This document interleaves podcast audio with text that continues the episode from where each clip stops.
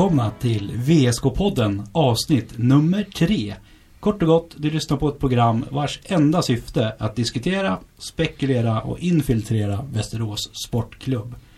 Och som vanligt görs detta i samarbete med vår radio 93,7 MHz. Jag som pratar nu heter som vanligt Ted Nilsson och vid min sida har jag traditionsenligt Dan Kiwi Persson. Hej hej! Varje gång vi ses här för att podda brukar vi ha en gäst med oss och det har vi även idag. Varmt välkommen säger vi till hemvändaren och en av drömhöstens starkast lysande stjärnor. VSK Fotbolls Filip Troné. Tack så mycket, tack. För de som inte riktigt känner dig och vet vem du är, vem är Filip Troné?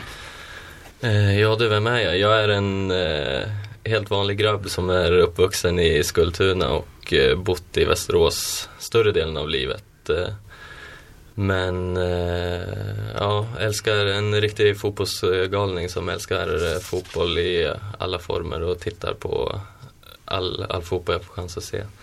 Och därav eh, intresse till att spela fotboll också kanske. Mm. Du sa ju att du var en Skultuna-grabb från början. Hur var det att växa upp i Skultuna?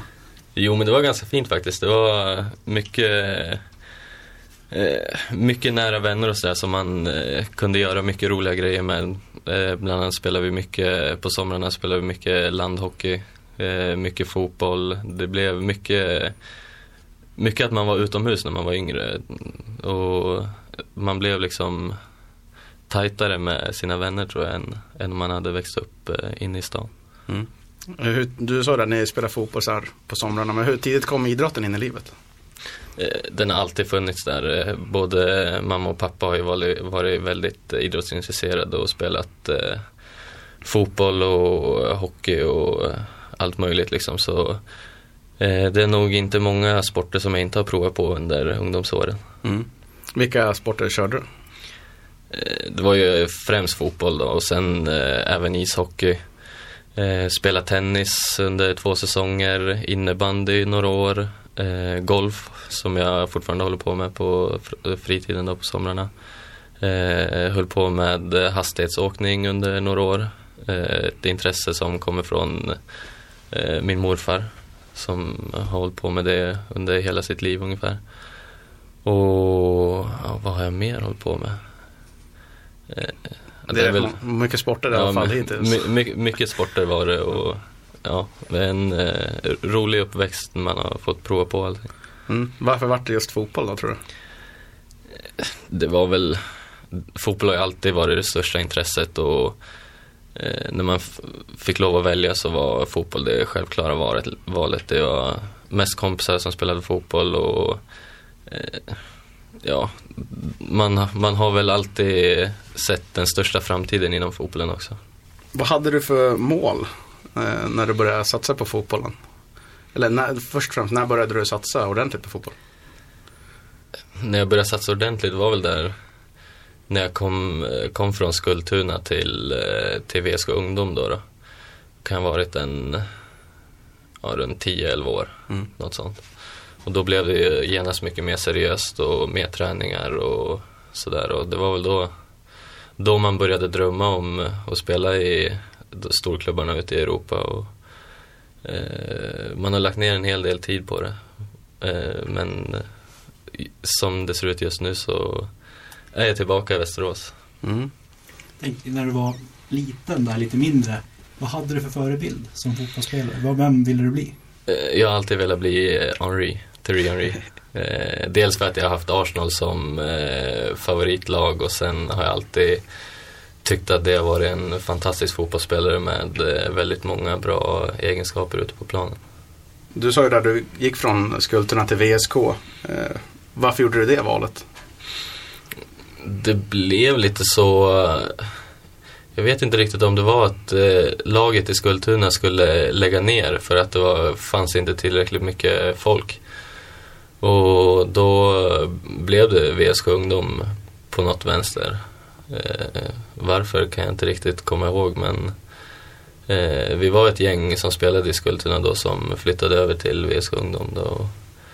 Eh, det, det är jag väldigt glad för att det blev just VSK Ungdom för så många roliga år som jag hade med det, det laget där, det kommer man aldrig att glömma. Mm. Var du VSK då innan du började spela i VSK Ungdom? Ja, jag kommer ihåg att eh, man var på några matcher med pappa och sådär på Arosvallen och kikade och sådär men något VSK-hjärta så hade jag väl inte just då. Då var det mer att man såg upp till de här stora klubbarna ute i Europa. Men ända sedan jag började spela för klubben så har det grönvita hjärtat växt mer och mer. Liksom. Mm. Tänker du, om jag hoppar fram lite grann. Du skrev på ditt första seniorkontrakt 2009 i SK Fotboll. Hur kändes det? Eh, jo men det var självklart jätteroligt. Eh, jag har ett sånt där speciellt minne som jag kommer ihåg från då när jag skulle upp på kansliet eh, på Kristiansborg och skriva på kontraktet var att eh, eh Liston var där uppe och det första han frågade när jag kommer in det är att är du nog bra? Då sa jag nja, lite blyg, så där var man ju. Då sa han, där, du, där ska du alltid svara ja på i framtiden. Det, det kommer jag aldrig glömma. Har du hållit det då? Nej, det kan jag väl inte säga, men jag är ganska ödmjuk faktiskt. Mm. I din debutsäsong i VSK så vann du klubbens interna skytteliga och eh, laget tog klivet upp i Superettan. Eh, hur var den säsongen? Eh, om vi ska börja ända från försäsongen så tror jag väl att tanken var inte ens att jag skulle tillhöra A-laget eh, det året. Eh, jag fick eh, vara med på några träningar som lite utfyllnadsspelare och sen Eh, fick jag chansen eh, i någon match, jag tror det var Sylvia eller Sleipner borta, någon träningsmatch. Eh, som jag gjorde min första match för A-laget. Eh, Kalle som var tränare då tyckte väl att jag gjorde det så pass bra och han hade ju haft mig som tränare tidigare under junior, juniorålder och sådär så, eh, han fortsatte att ge mig chansen och eh, självförtroendet bara fortsatte att växa under den säsongen och det blev ju som sagt var en väldigt eh, bra säsong för min egen del. Mm. Det måste ha varit en rätt rolig säsong att blicka tillbaka på så här. Jo, det är, det är en fantastisk, ett fantastiskt minne man har liksom hela den säsongen med Eh, ja, dels alla mål jag gjorde och eh, att få ta klivet upp liksom till superettan eh, och det laget som vi hade. Vi hade fantastiskt roligt tillsammans. Och, eh, men det, det är något man aldrig kommer glömma tror jag. Mm. Du sa att ni hade Kalle Granat som tränare. Hur, hur var han i sin tränarroll? Han var ju väldigt hård och eh, säkert många som hade Eh, delade meningar om, eh, om Kalle som tränare liksom. Men eh, jag har bara positiva e-, erfarenheter från Kalle och det är väl lite som alla tränare att får man spela så eh, då funkar det och får man mindre speltid då, då har, man, har man svårare att acceptera det. Men eh, jag tycker Kalle är en fantastiskt bra tränare. Mm. Eh, hur kom det sig att det gick så bra för dig där, den här första säsongen? Eh, det är svårt att säga så men jag fick liksom eh, förtroendet match efter match, även under försäsongen och i serien också liksom. Och det bara rullade på. Vi hade ett väldigt bra lag den säsongen också som underlättade mycket också. Även om jag kanske inte var superbra någon match så eh, kunde jag ändå stå på rätt ställe och peta in, eh, peta in ett mål. Och det är svårt att peta en spelare som gör mål eh, varannan match. Liksom. Det, det rullade bara på. Mm. Vilka styrkor hade det här VSK-laget? Jag tror våran, eh, våran största styrka den säsongen var att eh, vi hade må sjukt många vinnarskallar. Eh, ett exempel är Lucci som vi hade på innermittfältet som vägrade att förlora och liksom gav 150 procent eh, oavsett vilken matchminut det var och oavsett eh, resultat liksom. Och det är sånt där som smittar av sig till andra spelare och eh, han kanske inte var en eh, jätteduktig fotbollsspelare men eh, den energin eh, som han spred vidare till laget och den energin som vi hade den säsongen, den är svårslagen. Mm. Har du något guldkorn från den säsongen? Något så minne som du kommer ihåg extra mycket? Ja, jag kommer ihåg eh, Vals där borta tror jag det var. en eh, regnig match på en skitig gräsplan. Eh, kanske ett eh, 50-tal supportrar på läktaren som stod där i ösregnet. Och, eh, matchen börjar ganska tidigt med att jag får eh, halva tanden utslagen av en armbåge. Eh, sen gör, ja, vi, jag tror vi gör 1-0. Så är de 1-1 på straff och sen eh, avgör vi ganska sent eh, 2-1. Eh, så ja, det, det är en match som man, eh, man kommer ihåg. Mm. Och där, när ni tog klivet upp, eh, det blev väl, det var Vasalund borta sista matchen väl? Eh, ja, och näst sista matchen var Vasalund borta och vi eh, blev ju klara i bussen på vägen upp till den matchen eh, på grund av att eh, jag vet inte vilka det var som tappade poäng men det var en match som spelades lite tidigare den, eh, den dagen då så eh, det var vildfirande där i bussen då. Och sen skulle vi genomföra eh, den där matchen mot eh, Vasalund. Och eh, ja, det var ju också helt fantastiskt med ja, minst 200-300 vsk på Skytteholm och eh, sen lite fest senare på kvällen och sådär. Så det är också ett minne man att ta med sig. Mm. Gick det att eh, ladda om? Alltså från att gå från gått upp i Superettan i bussen till att helt plötsligt ut och spela en match. Det var ju självklart svårt liksom. Vi, eh, man var ju liksom så pass uppe i varv av glädje liksom och eh, sen gå ut och fokusera på en fotbollsmatch eh, självklart jättesvårt men ja, vi förlorade den matchen med 1-0 tror jag och det var ju svårt liksom. Man, eh, det, var, ja, men det var svårt att fokusera 100% det var det. Eh, det blev ju Superettan där året efter. Eh, man åkte ur, en tung säsong, man åkte ner direkt till division 1. Vad hände där? Jag tror... Jag tror största problemet var att eh, vi var för oerfarna. Eh, vi hade inte många spelare i laget som hade varit på den nivån tidigare. Eh, och eh, inte, inte tränarstaben heller hade, hade inte varit på den nivån tidigare. Liksom. Så jag tror eh, det kom som en chock för oss hur tuff eh, Superettan var. Vi kände väl själva att vi hade ett väldigt bra lag.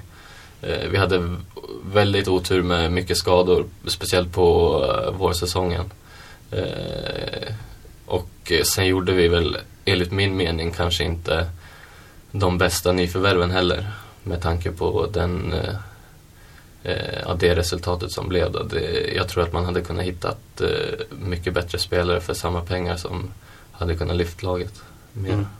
Tänker du på någon specifik eller tänker du på någon som värvades in överhuvudtaget? Nej men lite överhuvudtaget. Eh, men vi kan väl ta ett exempel som eh, Christian Kåker då som kom in som målvakt. Eh, helt osedd.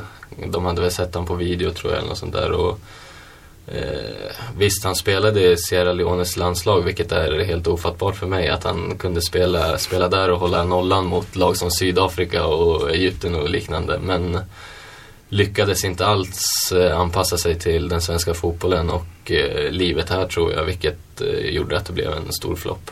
Mm. Hur kändes det när klubben värvade in honom som målvakt? Och, det känns inte som att du förlitar dig på honom riktigt. Nej, alltså, jag tror vi var flera stycken, alltså, vi hade ju jättehöga förväntningar Mm. eh, när det kommer en sån spelare. Eh, och man såg ju ganska tidigt att eh, det här kommer bli problem liksom. Och det är självklart att det påverkar laget och speciellt eh, backlinjen då.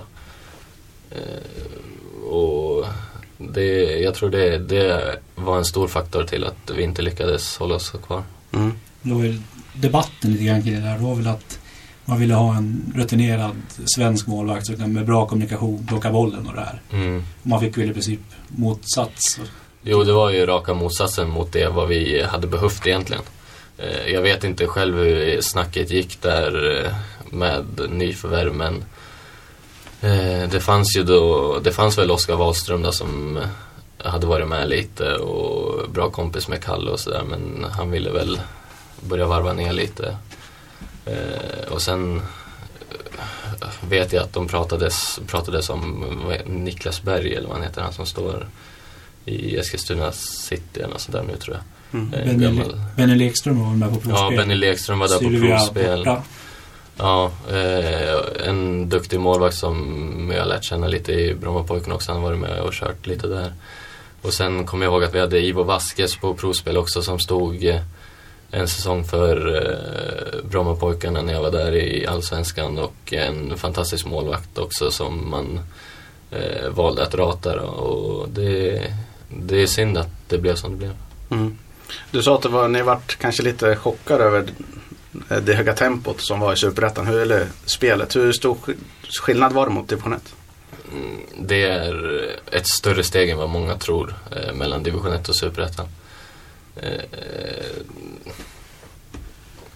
det, blir, eh, det blir en helt annan fotboll och eh, det finns inte de här lagen som lever på två bra spelare liksom som det går att göra i division 1 utan här är det bra spelare på alla positioner och eh, då gäller det för en sån förening som vi var då liksom med en ganska tunn trupp att eh, kunna ha alla tillgängliga och sådär.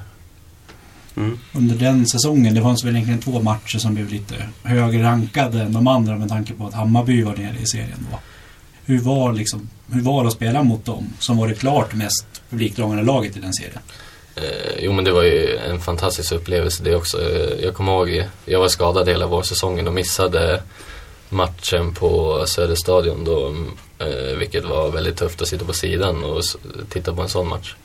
Eh, men eh, hemmamatchen blev ju en eh, grym upplevelse för min egen del när jag fick eh, göra 1-0 målet där strax efter halvtid och i halvtid när vi står och väntar på att domaren ska blåsa igång andra halvlek när eh, ja, kan det vara, 2000 bajare tänder bengaler på hela, hela ståplatsläktaren och eh, vi blir tvungna att gå in i omklädningsrummet igen. Det är sånt där också som man eh, inte glömmer i första taget. Mm. Hur reagerar man som spelare i en sån situation? Blir man bara taggad eller blir man förbannad när man inte får komma ut och spela eller hur? Eh, men jag var väl så pass ung då så jag blev mer liksom eh, fascinerad över hur, hur det kunde vara liksom. Och, eh, jag minns själv att eh, man, jag blev ännu mer taggad liksom för att visa alla, alla bajare som var där på plats liksom vem, vem jag var och vad jag kunde och sådär. Eh, då få göra mål i en sån match, det är eh, helt fantastiskt. Mm. Eh, som sagt så åkte VSK ur eh, Superettan den säsongen. Du tog klivet vidare till Brommapojkarna. Varför vart det BP?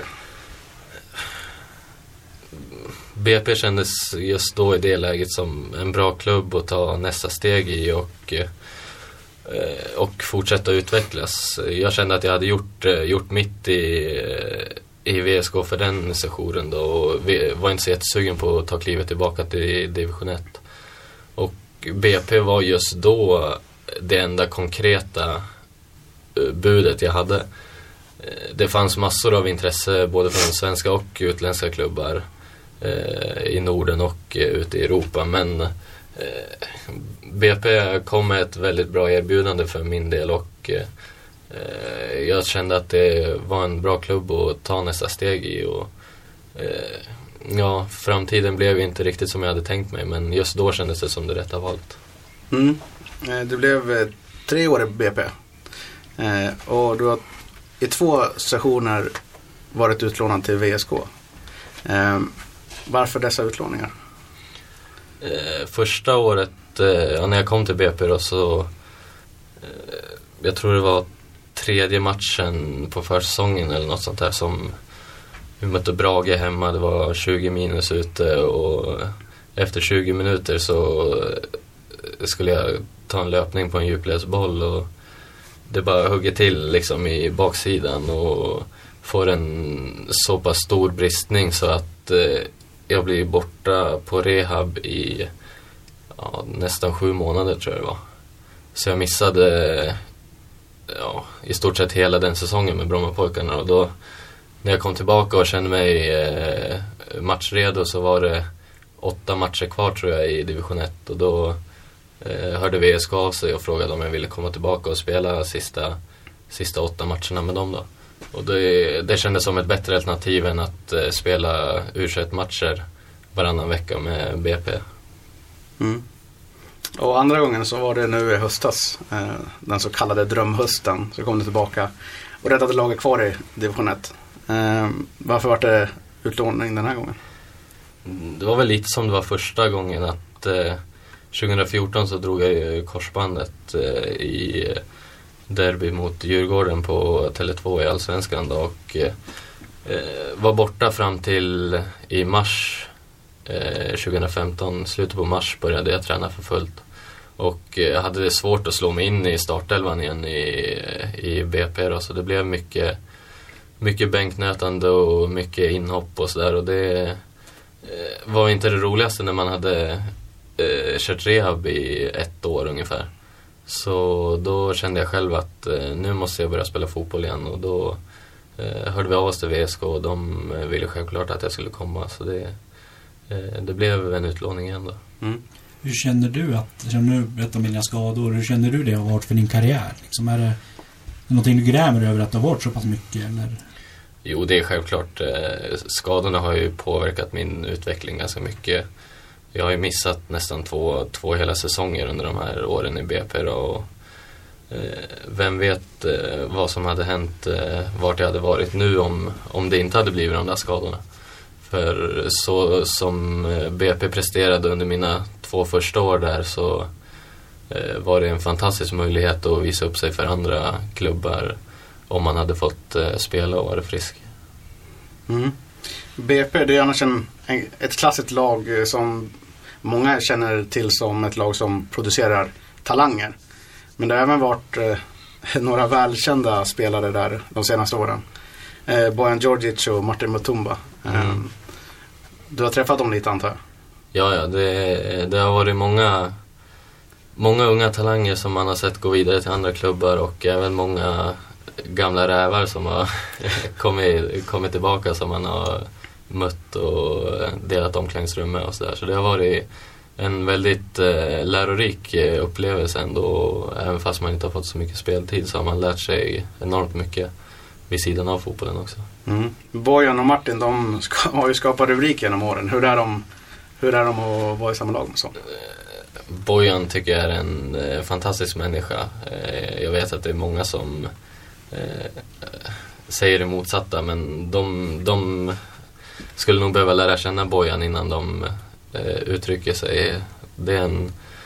Eh, ja, han, han tar verkligen hand om eh, de unga liksom och eh, delar med sig av sina erfarenheter. Eh, men kan även vara en riktig, riktig pajas och riktig tjurskalle också, vilket man eh, förstår även om man inte känner honom. Eh, Martin eh, träffade jag inte så jättemycket. Han kom ju nu till hösten till BP samtidigt som jag blev utlånad till VSK så lärde inte känna honom så jättemycket men eh, samma sak där. En eh, väldigt eh, eh, trevlig människa även vid sidan av fotbollen. Och, eh, och ta, samma sak där, han tar också hand om de yngre spelarna i laget och eh, delar med sig av sina erfarenheter som de har samlat på sig under sina karriärer. Mm. Under de här åren i BP, förutom när du varit utlånad till VSK, hur mycket har du följt klubben VSK? Nej, men självklart har man följt dem hela tiden. Liksom. Man håller koll på resultat och jag har inte sett, eh, jag såg inte så jättemånga matcher eh, under tiden jag var i Brommapojkarna. Men eh, man följer ju liksom alla resultat och eh, man känner ju liksom spelare som spelar i laget och sådär också. Så det, det blir ju automatiskt att man håller koll. Mm.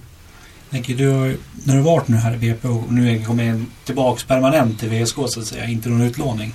Hur känner du att du har utvecklat dig som fotbollsspelare från när du gick till nu? Eh, jag har ju blivit eh, mycket starkare mentalt än vad jag var eh, när jag lämnade VSK. Dels på grund av alla skador och sådär som jag haft. Man, man blir man blir mycket starkare mentalt av att gå igenom sådana jobbiga, tuffa perioder. Eh, sen har jag utvecklat mitt spel också. Det är en helt annan eh, kvalitet och ett helt annat tempo på träningarna eh, på en klubb som har varit i Allsvenskan och sådär. De spelare som jag har spelat med under de här åren eh, har man lärt sig enormt mycket av. Liksom, så, eh, både både med, starkare mentalt och också starkare som fotbollsspelare. Är det någon speciell person i Brommapojkarna du känner att den här lärde jag mig mer av än någon annan? Ingen sån där speciell som jag kan eh, nämna så men eh, man har ju spelat med spelare som har eh, enormt mycket erfarenhet och spelare som har tagit eh, klivet liksom vidare ut i Europa. Och eh, man ser ju liksom då vad det är som krävs och det är ju ett snäpp till, om inte två, tre kanske på vissa, vissa ställen. Så det, det har varit en väldigt lärorik, lärorik upplevelse. Mm. Och eh, jag tror vi kommer försöka avbryta lite här för en låt. En låt som du har säkert hört som varit med inom VSK-kretsen ett tag. Så vi lyssnar på en låt så kommer vi tillbaka här om ett par, tre minuter.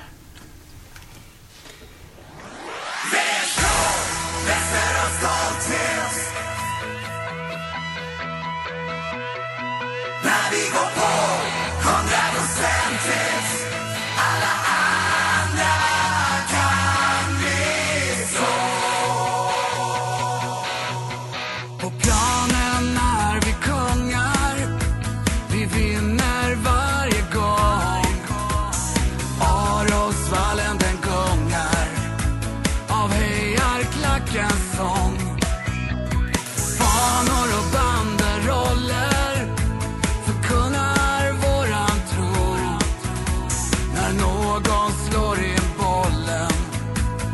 dyrkar vi hans skor.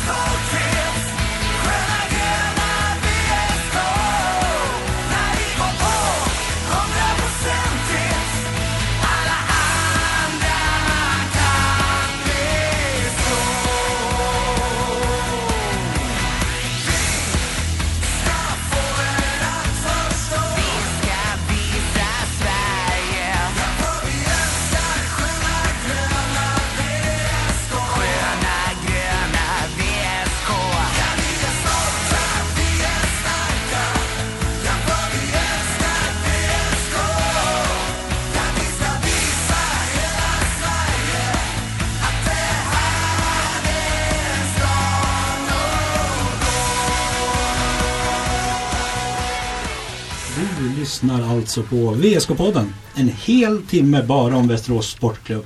Vi sänder på vår radio 93,7 MHz och gör det fram till klockan 18. Vill du lyssna på programmet sen i efterhand kan du göra det i din podcast-app. Sök då efter VSK-podden. Vi i studion är fortfarande jag, Ted Nilsson och sen har vi Dan Kiwi Persson. och sen har vi dagens gäst Filip Troné. Eh, vi har pratat lite om BP och lite sådär. Eh, prata lite mer nutid. Eh, då är vi framme alltså i höstas tänker jag, när du kom tillbaka till VSK. Eh, hur var den här hösten egentligen, drömhösten? Det var mycket, mycket blandade känslor när jag kom tillbaka inför hösten. Eh, jag som många andra trodde nog själv inte att det var möjligt att eh, klara kontraktet när man hade åtta poäng efter 14 omgångar. Eh, det var enormt långt upp till eh, ovanför strecket. Men eh, ja, jag vet, jag vet faktiskt inte fortfarande hur, hur vi lyckades. Eh, vi, vi fick in eh, några bra, bra spelare som gick liksom direkt in i startelvan och alla eh, levererade verkligen varje match oavsett motstånd och förutsättningar. Liksom. Så tillsammans lyckades vi med det omöjliga. Mm. Men du sa att ni inte trodde på det riktigt när ni kom. Men när började ni tro på det? När kände ni att nu är det faktiskt realistiskt? Att nu kommer vi faktiskt ta det här? Det var väl egentligen inte förrän sista matchen. Eh, men ju mer man närmade sig slutet så såg man ju ändå möjligheterna och eh, vi hade ju faktiskt väldigt tur med många andra resultat också under, un, under vägen. Då.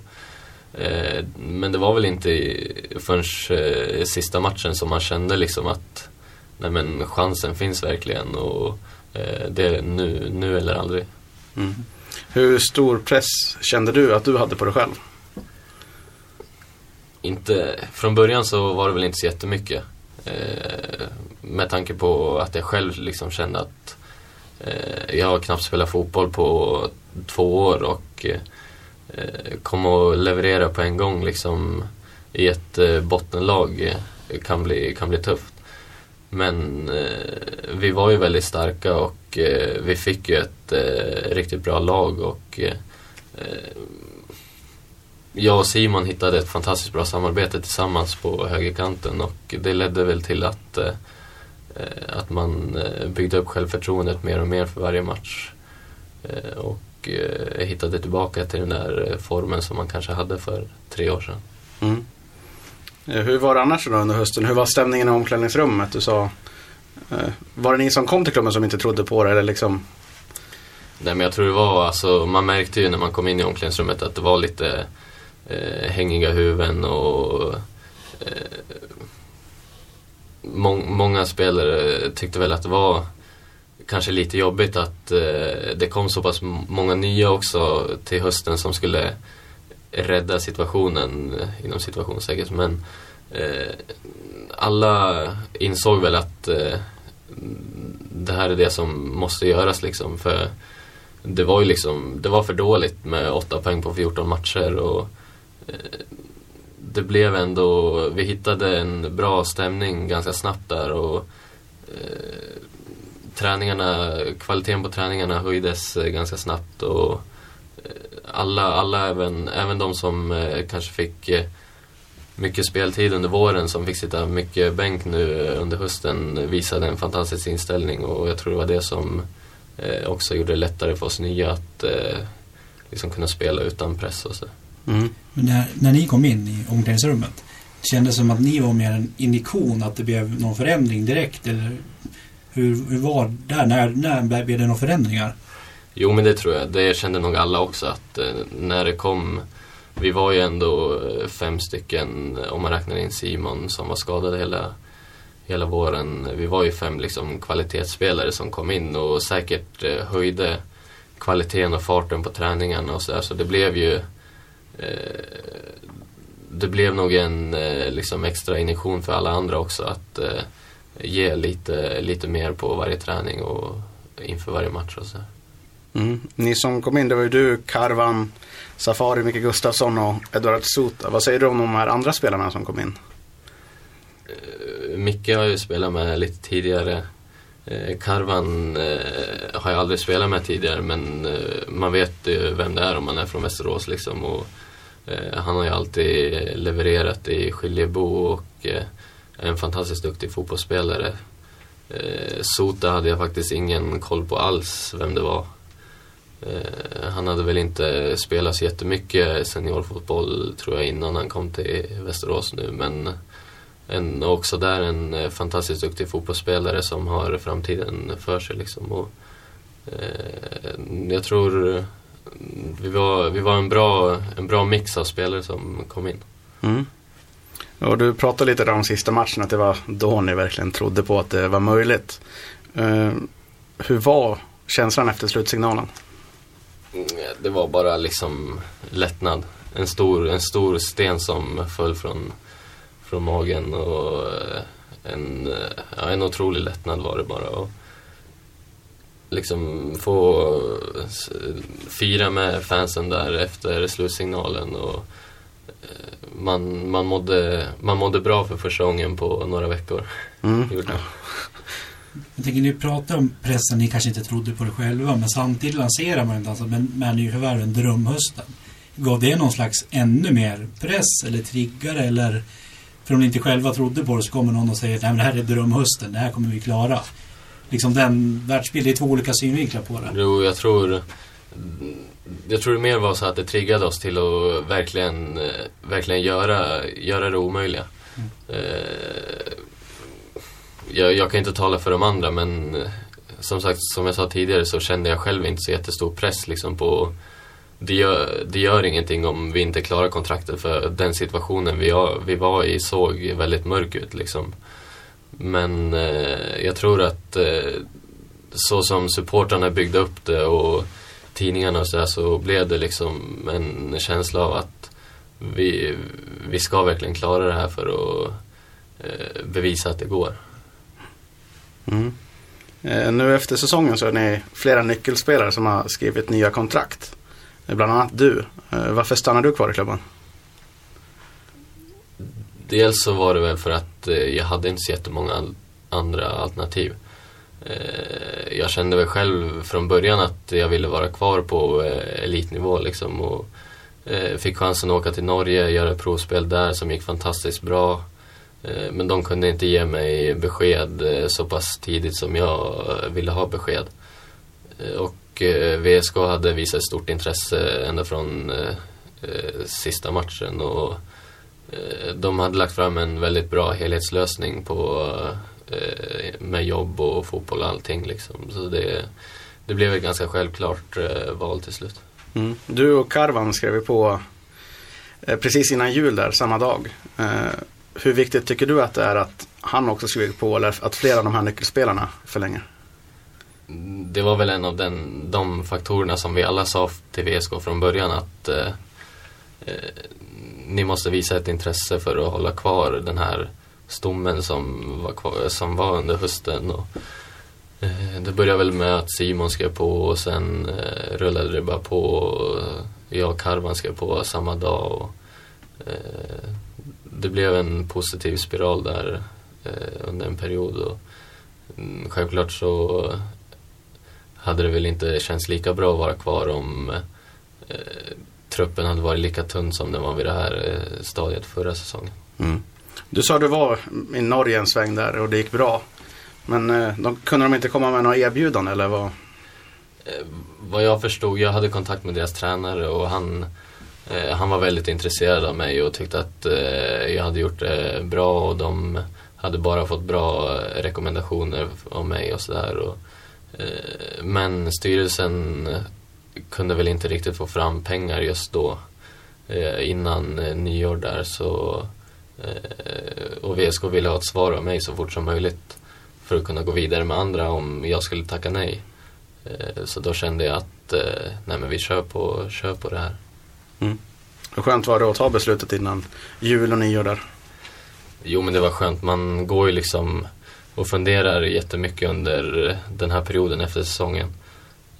För som det ser ut så är man ju arbetslös när kontraktet går ut. Och Eh, det var skönt eh, att kunna slappna av under, under julledigheten. Mm. Det är väl egentligen, om man kollar på drömhösten med de spelare som liksom var stommen i laget, det är Ekroth egentligen som har, som har lämnat där. Mm. Hur mycket hade han betytt att vara kvar i det här laget? Eh, han hade betytt jättemycket att eh, vara kvar. Eh, både på sidan om planen, där han är en fantastisk människa inne i omklädningsrummet och sprider väldigt mycket glädje och eh, positiv energi. Men också ute på planen där han är en stor eh, ledartyp. En typ som jag tycker att vi i dagsläget kanske saknar i laget. Eh, som jag hoppas att eh, de jobbar på att eh, få in. För då, om vi får in en sån spelare så tror jag att vi kan bli väldigt farliga i år. Mm. Men kan du, kan du förstå hans beslut att dra till Norge liksom? Ja, det är klart att man förstår beslutet så. Eh, han får chansen att eh, vara professionell fotbollsspelare och tjäna säkert trippla mot vad han skulle ha gjort här i VSK. Eh, även om pengar inte är det viktigaste så måste man i sådana situationer tänka på sig själv. Mm. Är, nu ni som är kvar, nu, vad har ni för mål för 2016? Har ni pratat ihop er någonting i laget om någon målbild eller så? Vi har inte haft något officiellt eh, eh, så inom, inom gruppen men självklart går snacket lite och eh, man pratar väl lite om en topp 5 placering just som det ser ut just nu. Men det är svårt att säga. Det, Eh, Det känns som det är bättre kvalitet på division 1 eh, den här säsongen än vad det var förra. Så vi får, vi får se lite vart, vart det landar. När du säger att det är bättre kvalitet i division 1, vad är det något speciellt du tänker på? Dels är det ju Brommapojkarna som kommer från Superettan där jag vet vilka eh, spelare som finns. Och om man jämför dem med eh, de lagen som jag, var med och spelade mot nu under hösten så eh, är det ett eh, väldigt starkt lag. Och med de nyförvärven de har fått också så ser det väldigt bra ut för deras del. Och sen tycker jag att eh, eh, lagen som kommer upp också, bland annat eh, Sleipner som kommer upp, eh, är nog en större utmanare än vad till exempel Motala och Södertälje är. Mm. Eh, hur stor koll har man på de andra lagen? Du verkar ändå ha lite koll. Jo, men det är klart att man, man följer de andra lagen eh, och ser vad de, vad de får för trupp och sådär. Eh, med sociala medierna som det är idag så ser man ju allt som händer liksom. Och, eh, man vet, man har, man har hyfsat bra koll ändå tycker jag. Mm tänker om vi går lite mer in på dig som person. Du är, ju- du är bara 22 år. Och du har egentligen en rätt så lång fotbollskarriär framför dig. Även fast det känns som att du varit borta och varit borta rätt så länge och hållit på på fotboll väldigt mycket. Men vad är målet? Eh, målet är ju som det alltid har varit att eh, kunna leva på fotbollen eh, under karriären och kanske även ha hjälp av eh, det efter karriären också. Men samtidigt så vill man ju, man vill ju ständigt utvecklas liksom och ta nya, nya kliv och sådär som, som fotbollsspelare. Så eh, nej, men målet är ju självklart att eh, komma tillbaka till Allsvenskan så snart som möjligt och kanske även vidare ut i Europa. Hur stora möjligheter tror du att du har chansen att komma klättra till Superettan och Allsvenskan med VSK? De, de är nog väldigt stora om det fortsätter på den positiva väg som eh, det är just nu. Eh, för eh, det som VSK håller på att bygga upp just nu känns väldigt positivt. Men samtidigt så vet vi ju vad som har hänt tidigare och det är, ju- det är svårt att förutse vad som kommer att hända men jag hoppas verkligen att eh, de kan fortsätta bygga på det positiva som avslutades under hösten och eh, förhoppningsvis inom fem år kanske vara tillbaka i elit, eliten. Mm. Hur ser du på det här att VSK fotboll och VSK bandy har gått ihop? Jo men det känns, eh, det känns faktiskt väldigt kul liksom att de tror på det samarbetet och att de verkligen kör på, kör på det. Eh, Micke verkar vara en, Micke Campesero verkar vara eh, han, han brinner verkligen för det. det. Det märker man när man pratar med honom och man ser det i ögonen på honom och sådär. Eh, jag tror verkligen att han är rätt man till att få VSK fotboll på rätt sida igen. Och med hjälp av bandyn så eh, tror jag att eh, chansen är mycket större också med tanke på den historien som bandyn har gått igenom. Mm. Eh, för din egen del då igen, eh, hur är skadeläget just nu? Eh, just nu är jag helt frisk. Jag har fortfarande lite problem sen korsbandsskadan med lite baksida lår och sådär på samma ben men kunde ju genomföra alla matcher under hösten och har känt mig frisk ända sedan dess liksom och det ska bli skönt att kunna förhoppningsvis peppar peppar genomföra en eh, full försäsong nu och se vart, eh, vart jag kan ta mig under, under året. Mm. Ja, ni, om man kollar på skadeläget så blev ju ett skadeavbrott direkt här nu med Viselius som inte kan köra den här säsongen tack vare sin skada. Hur är ett sånt avbräck för en sån kille som har ett starkt hjärta till föreningen och klubben? Eh, Nej men det är jättetråkigt. Det är många som eh, blev lite, lite nere när vi fick det beskedet då. För Bissen är ju en eh, grymt härlig människa att ha med, i, har med i ett lag och en fantastiskt duktig målvakt också som jag tror hade eh, kunnat gjort många fina insatser under säsongen som eh, skulle hjälpa laget då. Men ja, det är tyvärr sånt som ingår i idrottslivet och eh, om han eh, känner att det är rätt beslut så tycker jag att eh, då ska han göra det som känns bäst. Mm. Eh, när du inte spelar sparka boll, vad gör du då för, på fritiden? Du sa att du spelar golf på sommaren. Mm, Ja, det är väl mest, mest golf eh, på sommartiden och sen eh, eh, umgås jag med familj, vänner, flickvän. Eh, har även en eh, hund som man måste ta hand om. gå, ut, gå, ut på, gå ut på promenader med hunden och eh, ja, sånt där. Mm. Vanligt svenssonliv. Det är väl skönt att ha det också lite. Ja, ja. Det, det känns bra också att man har fått den här möjligheten av VSK och börja jobba och liksom hitta rutiner i, i vardagen. Mm. Vem är den bästa spelare du har spelat med? Det är svårt att säga men jag tror nog att det är eh, Ludvig Augustinsson som spelar i Köpenhamn just nu. Mm. Han eller eh, Nabil Bahoui. Mm. Såg man, när du spelade med dem, eh, såg man att de hade utvecklingspotential? Liksom? Ja, det såg man på en gång. Speciellt Ludde, en fantastiskt duktig spelare som Ja, han eh, körde extra innan varje pass, han körde extra efter varje pass och det var bara en tidsfråga innan han skulle ta steget. Mm.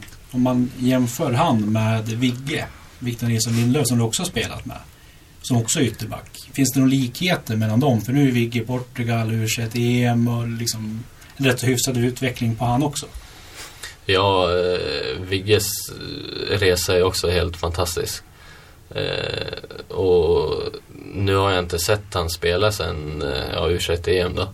Och eh, han blir ju lite bortglömd kanske när han är så pass långt borta och eh, inte får så mycket speltid. Mm. Eh, men eh, ja, det, de har ju lite olika spelstilar också. Men jag tror Vigge har ju också en fantastiskt fin framtid framför sig. Eh, och vem är den, eh, vilken är den bästa spelare du har spelat mot? Den bästa spelaren jag spelar mot måste nog vara Mikko Albornoz. Eh, jag minns eh, en match på Grimstad, det var också i Allsvenskan. Han var eh, vänsterback och jag var högerytter. Eh, det var... Eh, ja, det var inte lätt att ta sig förbi kan jag säga. Eh, Du pratade tidigare om att innan du kom till VSK som eh, ungdom eh, så var du kanske inte riktigt VSK men hur mycket VSK är du nu?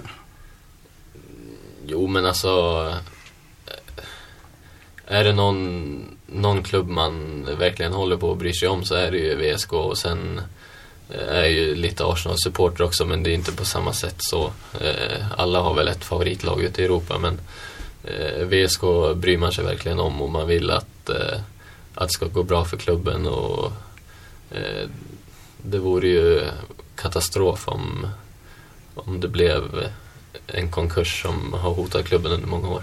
Mm. Eh, vem hade du som förebild när du var liten? Du sa Henry där, var det några andra som du såg upp till? Nej, det var bara Henry. Nej men alltså det var ju Jag minns en gång när jag var bollkalle på en VSK-match för många år sedan och eh, Ante var ganska ny i A-laget och eh, man tyckte att han var väldigt eh, cool som man sa på den tiden. Eh, och nu, nu, man, nu spelar man i samma lag som han så det, det är lite sådana där grejer som eh, är roligt liksom. Andreas Eriksson Ljunggren alltså. Precis. Mm.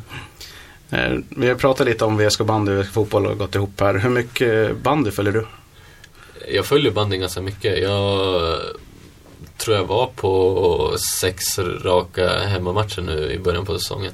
Sen har det blivit lite eh, sämre nu på slutet med att se matcherna på plats. Men jag följer alla resultat och det blir lite extra nu också när man jobbar tillsammans med Stefan Edberg och sådär. Så det är- nej men jag tycker det är roligt att titta på bandy även om jag eh, har aldrig eh, spelat sporten själv.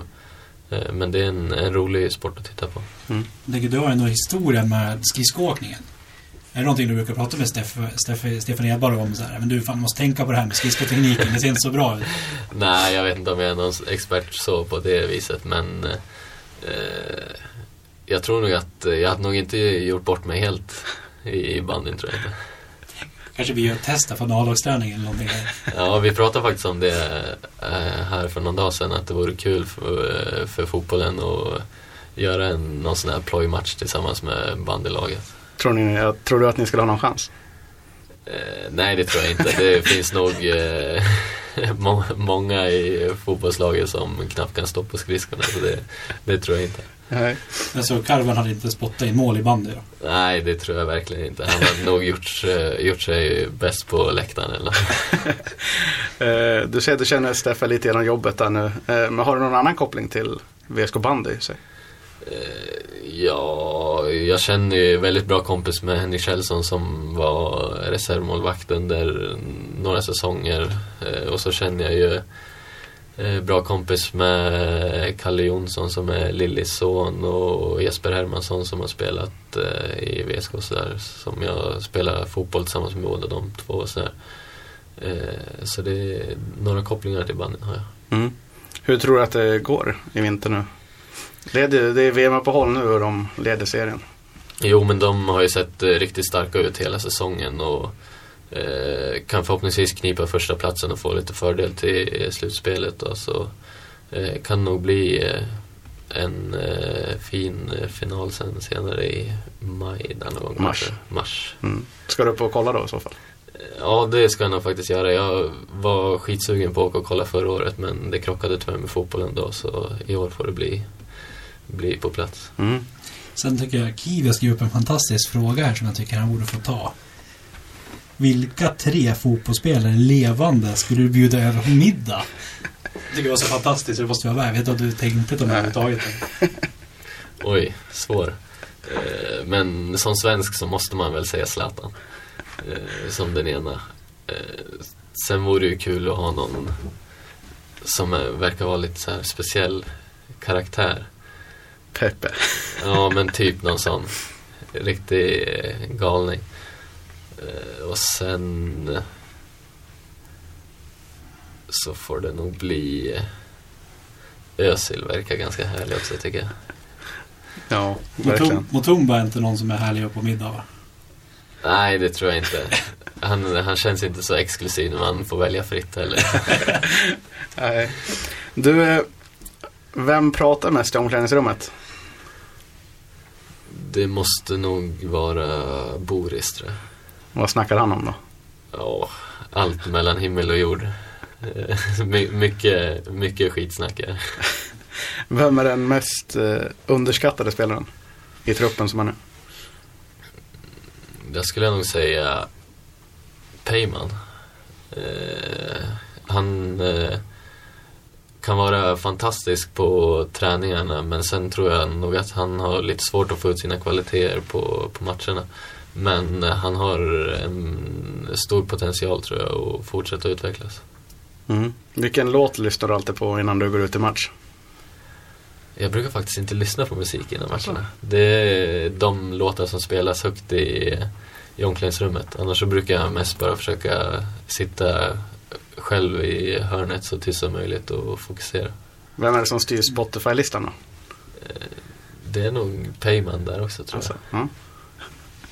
Ja, och sen enligt seder och bruk här så har vi faktiskt fått in lite supporterfrågor som vi ska ta. Ja, jag har fått in en här från Eddie Wennerstrand. Eh, är VSK-supportrarna de mest engagerade och passionerade fans du har spelat för? Nej, det tror jag Nej, jag måste tyvärr säga nej där. Eh, jag har spelat eh, mot eh, Stockholmsklubbarna i, i Allsvenskan och det, det blir ju självklart en helt annan eh, karaktär runt matcherna när det är på den nivån men eh, förhoppningsvis om några år så kanske man får uppleva det eh, med VSK också. Mm. Om man jämför Brommapojkarna mot VSK där då? Jo, men där skiljer det ju lite. Tänkte väntade på det svaret, kanske lite känsligt annars. Nej, men eh, det...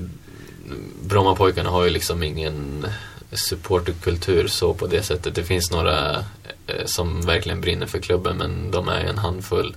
Annars är det mest eh, ungdomslagen som står och skriker på sidan av Mm. matcherna. Det är en snubbe som brukar åka med på de flesta bortamatcher har man ju sett. Ja, precis. Anders Ung eh, som eh, är på nästan alla bortamatcher. Speciellt när vi spelade i Allsvenskan. Då såg han väl alla bortamatcher tror jag. Eh, så det finns några sådana härliga karaktärer i klubben där också. Mm. Sen har vi en fråga från Anton Söderlund här också. Eh, hur var BP som allsvensk klubb och vad saknar VSK jämte mot det i dagsläget? Alltså träningar, organisation och liknande. Det är svårt att säga så eftersom att BP är den enda klubben jag varit, vid, varit i med Allsvenskan. Eh, Men eh, alltså det skiljer ju lite professionalism liksom runt omkring och med eh, material och träningsupplägg och antal träningar och sådär. Men det är ju självklart sånt som liksom växer med klubben om man tar steget upp. Eh, En fråga från Emil Johansson. Hur kommer matchen mot BP kännas? Eh, Det kommer, det kommer självklart vara lite speciellt eh, med tanke på att jag har varit där i ja, tre och ett halvt år och känner i stort sett hela laget. Och alla som är runt omkring också. Så det kommer vara speciellt men det kommer vara väldigt kul också att spela, spela mot sina kompisar. Mm. Då har han en till fråga. Du har, du har pratat lite kring den. Men vad tror du om säsongen som kommer nu? Jag tror nog att eh, om vi får fortsätta bygga vidare på det som vi avslutade med nu i höstas och att alla får hålla sig skadefria och kanske få in eh, någon spelare till plus att eh, bröderna Hell eh, blir av med sina, sina knäskador så tror jag att det kan bli en fantastiskt rolig säsong för alla som gillar VSK fotboll. Mm. Sen eh, sista frågorna. Joakim Lindborg. Eh, hur mycket pratar ni spelare sinsemellan? Typ om du stannar så stannar jag. Och hur mycket fick du i lön och sånt där? Pratar man om sånt? Jo men det var, det var självklart lite så nu efter säsongen när, när vi var de fyra, det var väl främst jag, Simon, Oliver och Karvan eh, Eh, som klubben visade ett eh, stort intresse för att behålla och de var ganska öppna med att eh, vi kommer erbjuda er precis samma avtal. Och sen är det upp till var och en om man är bra eller dålig på att förhandla. Men eh, vi har väl kört ganska öppna kort gentemot varandra. Och det, det, för min egen del så spelar det inte så stor roll om någon tjänar 2000 kronor mer i månaden eller inte. Det, det känns som att det viktigaste är vad man presterar ute på planen. Mm. Ni funderar inte på att lura Simon någon gång att Nej men skriv på, vi kommer också göra det så drar ni alla till, till, till Norge. Eh, Nej, men alltså det var... Det var aldrig riktigt så. Vi... eh, Som sagt så körde vi med ganska öppna kort och eh, vi visste ju hela tiden allihopa att vi var väldigt sugna på att stanna kvar liksom och eh, Sen blev det ju lite Lite förseningar med att eh, jag skulle åka dit och Karvan var på semester i eh, USA och sådär Men man visste hela tiden vart man hade de andra så det, det var lätt. Mm. Och en avslutande fråga från Jocke där. Gillar du din egen ramsa? Ja, den, jag tycker den är fantastisk men eh, det var, jag hörde den knappt någonting under hösten. Vilket var riktigt synd. Eh, Så förhoppningsvis så kan det bli mycket mer av den varan under 2016. Så en uppmaning till fansen att den får de lära sig att köra ordentligt. Ja, det tycker jag. Jag vet inte riktigt vem det var som eh, drog igång den från första början men eh, jag tycker han kan sprida den vidare och sprida budskapet så tror jag att det kan bli många härliga matcher nästa säsong. Ja. Ja, och det var väl egentligen allt vi hade för VSK-podden den här gången. Du har alltså lyssnat då på en hel timme bara om Västerås Sportklubb. Vill du lyssna på programmet igen kan du göra det i din podcast-app. Sök då efter VSK-podden. VSK-podden kommer tillbaka första måndagen varje månad, vilken nästa gång blir den 7 mars. Vi kan väl nästan direkt säga att det blir ett rent bandyavsnitt och slutspelet är i sin slutfas och eventuella SM-finaler och liknande är faktiskt där på gång. Eh, vi vill tacka dagens gäst, Filip Troné, att du ville komma hit och berätta lite om dig själv. Tack så mycket. Och eh, vi andra två som har pratat idag är som vanligt jag, Ted Nilsson och, Dan Kiwi Persson. Och vi vill tacka för intresset och vi hörs igen nästa gång. Hej då! Tjena på er! Hej.